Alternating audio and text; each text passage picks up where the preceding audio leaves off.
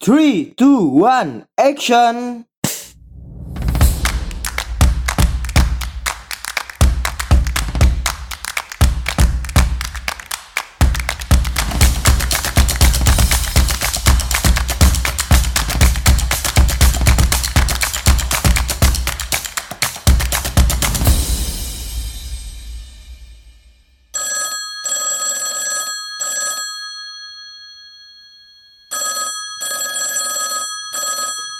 Datang kembali eh, bersama saya Miftahul Arzak.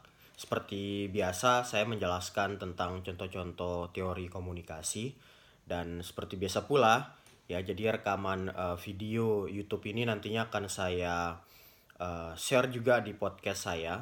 Jadi para pendengar bisa dengarkan di Apple Podcast, bisa di Spotify atau di Anchor. Jadi nanti ketika aja Miftahul Arzak. Jadi nanti saya menjelaskan beberapa penjelasan jadi dari uh, sejarah kemudian pengaplikasian dan uh, bagaimana teori itu terbentuk. Sehingga nanti juga kita akan membahas beberapa teori-teori yang sebelumnya sudah saya bahas. Nah seperti uh, pertemuan sebelumnya ya. Jadi saya uh, selalu merujuknya itu ke ensiklopedia teori komunikasi. Jadi ini editornya ada Stephen W. Littlejohn dan Karen Post. Nah, kenapa saya harus uh, sambil membacanya? Karena di beberapa materi yang saya jelaskan, jadi teori itu secara umum ya, itu ada uh, berdasarkan sejarah dan berdasarkan pengaplikasian. Nah, kalau materi-materi yang saya sampaikan dengan membaca buku uh, ensiklopedia teori komunikasi ini, ini saya lebih banyak berbicara terkait uh, sejarah dan perjalanan teori itu bisa hadir.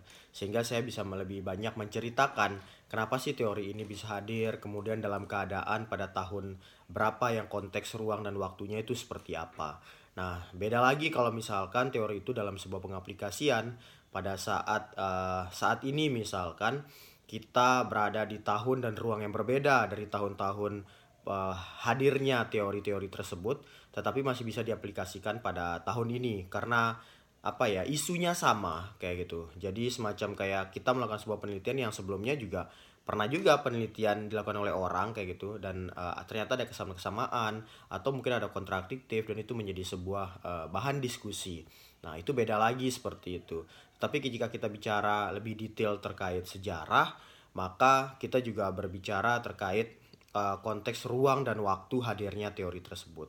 Bukan menjadi sesuatu yang tidak bisa didebat karena kita tidak berbicara apakah teori itu benar atau salah, tidak gitu. Kalau dalam sebuah sejarah yang kita ungkapkan adalah teori ini bisa hadir karena dalam konteks seperti ini kayak gitu. Ya karena mau tidak mau uh, dan memang juga sebuah teori itu kan hadir dari uh, sebuah kajian ilmiah, dari sebuah metodologi yang dilakukan, penelitian dilakukan sehingga menghasilkan sebuah uh, teori-teori dan sebuah pengkajian.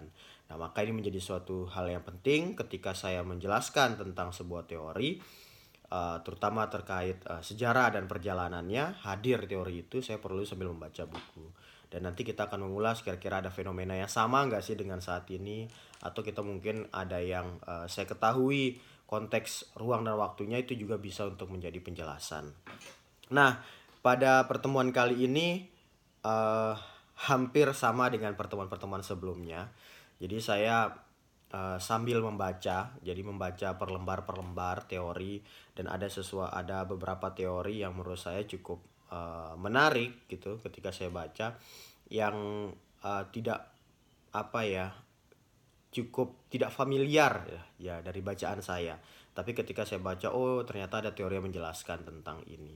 Nah ini menjadi menarik uh, menurut saya karena ternyata ada pembahasan-pembahasan yang ya dalam kalau mahasiswa komunikasi terutama mata kuliah teori komunikasi itu ada teori-teori yang sering banget kita dengar kayak gitu. Tetapi dengan uh, membaca perlahan-lahan kemudian ternyata ada juga pembahasan tapi dengan nama teori yang berbeda ini juga menarik kayak gitu. Nah, uh, yang saya baca pada pertemuan kali ini dan akan saya jelaskan para para pendengar yaitu uh, affect dependent theory of stimulus arrangement ya.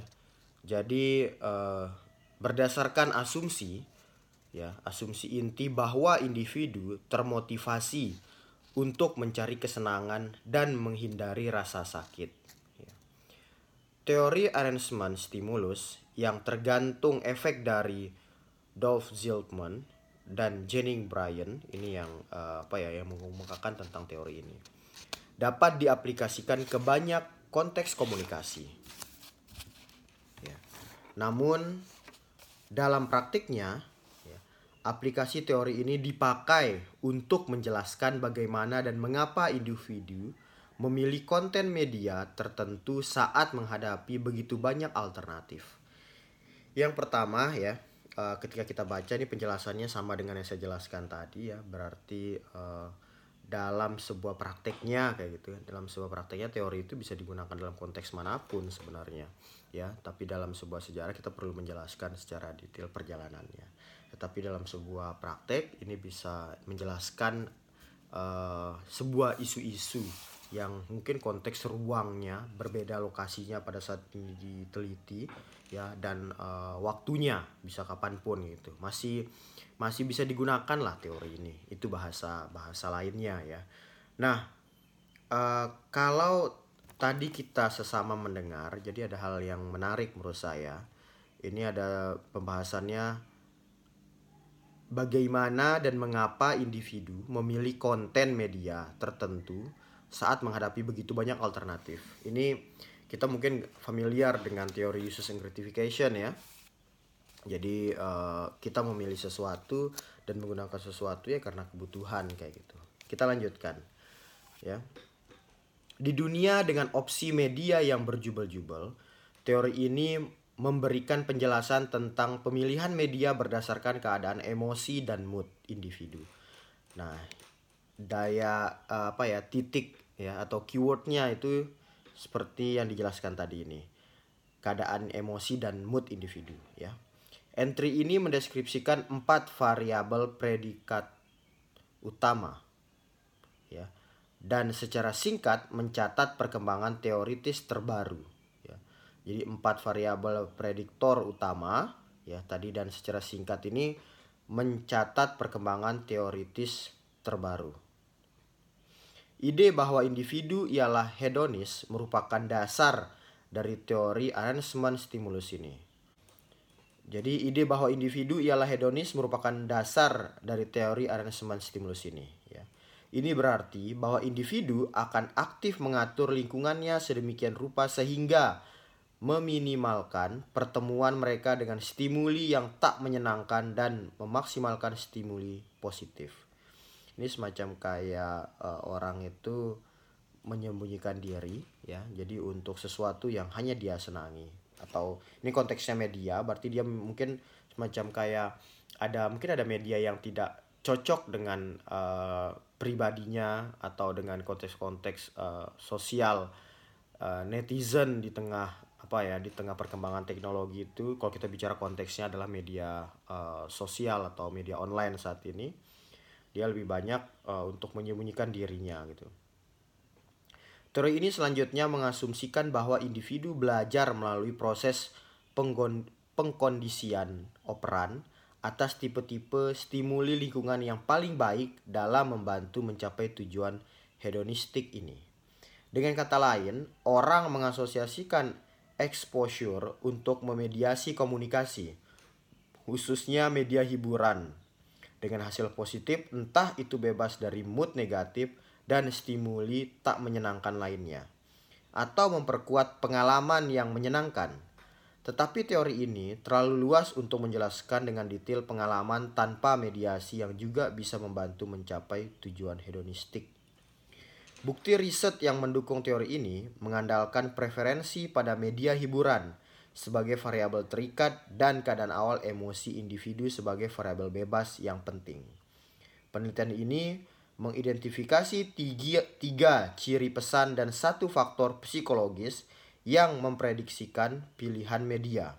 Excitatory homoestatis, afinitas pesan behavioral, ya. Kemudian selanjutnya potensi intervensi dan valensi hedonis.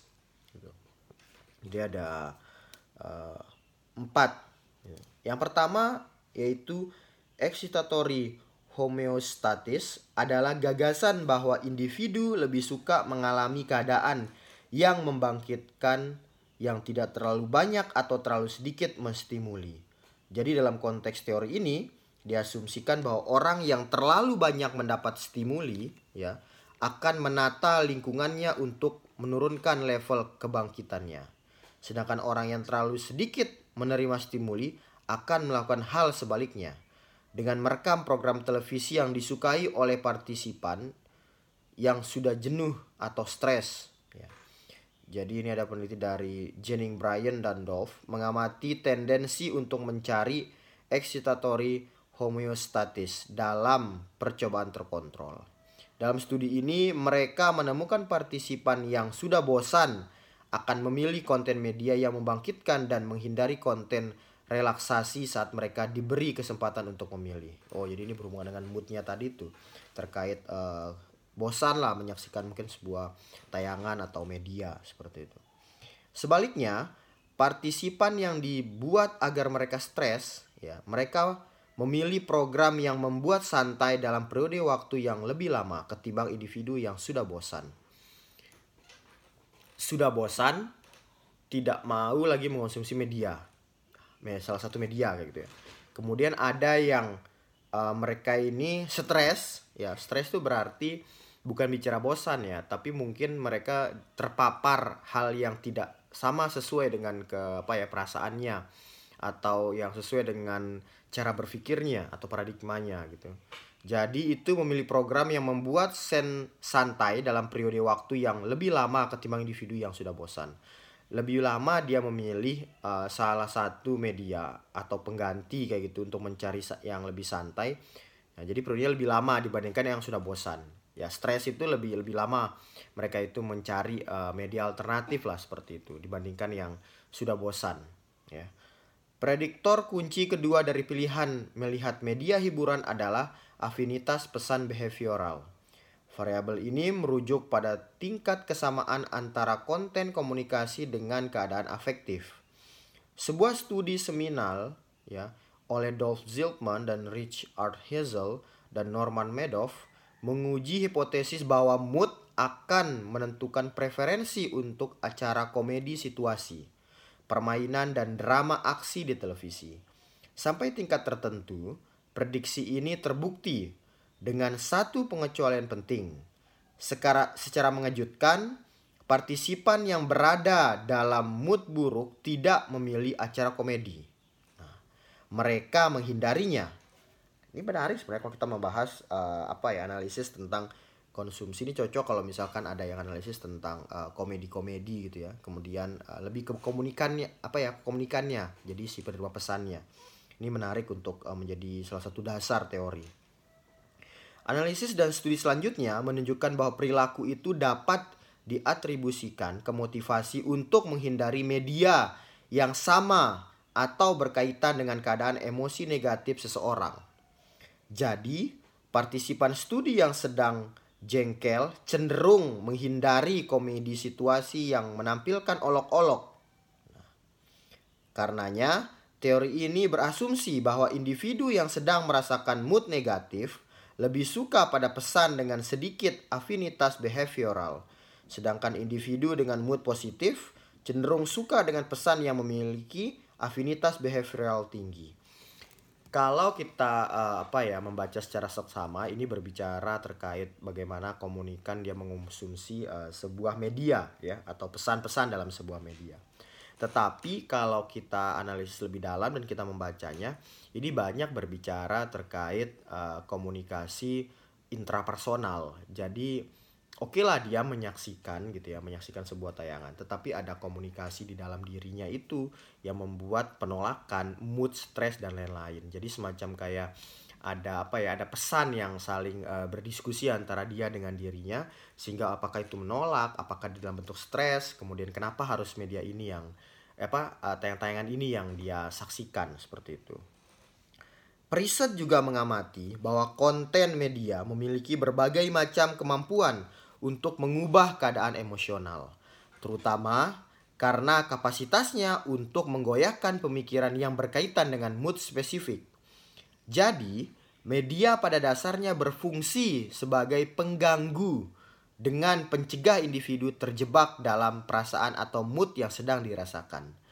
Kemampuan konten media untuk turut campur dalam pemrosesan kognitif ini disebabkan potensi intervensinya.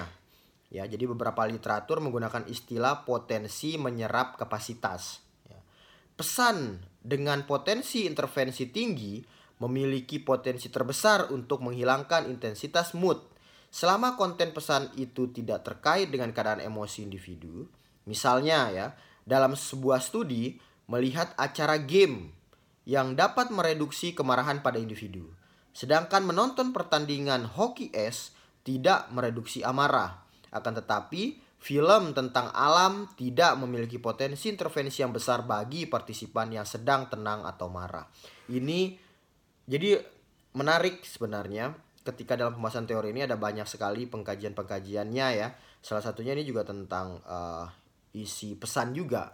Jadi tadi bicara masalah media, kemudian bicara masalah pesan, bicara juga kalau saya sih mengamatinya ini bicara juga tentang komunikasi intrapersonal juga. Prediktor kunci keempat adalah valensi hedonis, yakni kualitas positif atau negatif dari pesan media. Konten media yang dideskripsikan sebagai buruk, mengancam atau membuat tertekan memiliki valensi hedonis negatif. Tetapi konten yang mencerahkan, menghibur, menyenangkan, dan membuat yakin memiliki valensi hedonis positif.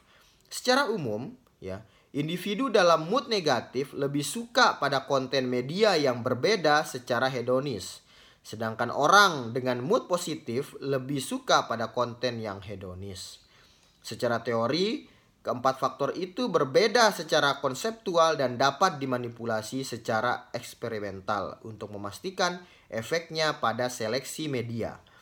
Namun dalam kenyataan tak selalu mungkin untuk mengisolasi masing-masing variabel. Misalnya, pesan yang sangat positif atau negatif juga cenderung punya daya intervensi besar. Meski ada kesulitan semacam ini. Banyak literatur mendukung asumsi dasar dari teori arrangement stimulus yang tergantung afek ini. Baru-baru ini teori tersebut dikembangkan dengan memasukkan konsep lain yaitu hedonis spontan ya atau hedonisme spontan dan utilitas informasi. Sampai saat ini banyak riset yang mendukung teori itu telah meneliti stimuli yang mengeksplorasi efek dari mood pada seleksi pilihan media yang disebut hedonisme spontan. Namun terkadang individu mungkin memilih menunda manajemen keadaan mood dengan memilih mengelola kebutuhan atau tujuan lain. Dalam kasus macam ini perilaku mereka mungkin tampak kontra hedonistik dalam jangka pendek, namun mungkin sesuai dengan ekspektasi teoritis di waktu selanjutnya. Ya. Jadi hedonisme telik mengacu pada tipe perilaku ini. Konsep utilitas informasi mengacu pada situasi di mana individu mencari informasi untuk mereduksi ketidakpastian saat ini baru hanya ada segelintir studi ya. Jadi hanya segelintir studi yang secara eksplisit memasukkan konsep baru ini ke dalam riset eksperimental. Jadi itulah penjelasan tentang uh, teori affect dependent ya of stimulus arrangement. Jadi menarik kita bicara terkait bagaimana mood perasaan atau keadaan saat itu ya emosi gitu itu mempengaruhi uh, terkait media yang kita konsumsi. Jadi kalau misalkan ada yang penelitian tentang uh, media hiburan ya terutama terkait uh, humor, kemudian uh, entah itu film, entah itu tayangan-tayangan yang lucu itu. Nah, ini teori ini bisa menjadi salah satu uh, salah satu tambahan referensi untuk dibaca sehingga bisa didiskusikan nanti isu yang dibahas menjadi sebuah penelitian. Oke para pendengar, uh, pada pertemuan kali ini demikian kami jelaskan tentang uh, teori yang berbicara kalau saya pribadi tadi membacanya itu ada yang komunikasi intrapersonal, ada yang bicara terkait pesan di dalam media dan tapi kalau dalam teori ini menjelaskan ini lebih banyak ke uh, medianya ya yang uh, yang di bahas yang didiskusikan. Oke, sekali lagi uh, teori-teori yang saya jelaskan contoh-contoh ini akan saya rekam kembali juga dan uh, saya upload nantinya di podcast saya. Bisa didengarkan entah itu di Apple Podcast, di Spotify atau di Anchor atau banyak lagi lah pokoknya aplikasi yang uh, platform yang dia itu uh, menampilkan hasil-hasil podcast orang. Bisa diketik Miftah Arzak nantinya. Oke sampai ketemu lagi di pembahasan teori-teori selanjutnya. Dan uh, masih ada banyak teori yang akan kita bahas nanti terutama khususnya ya itu teori komunikasi. Sampai ketemu lagi di pertemuan selanjutnya. Yuk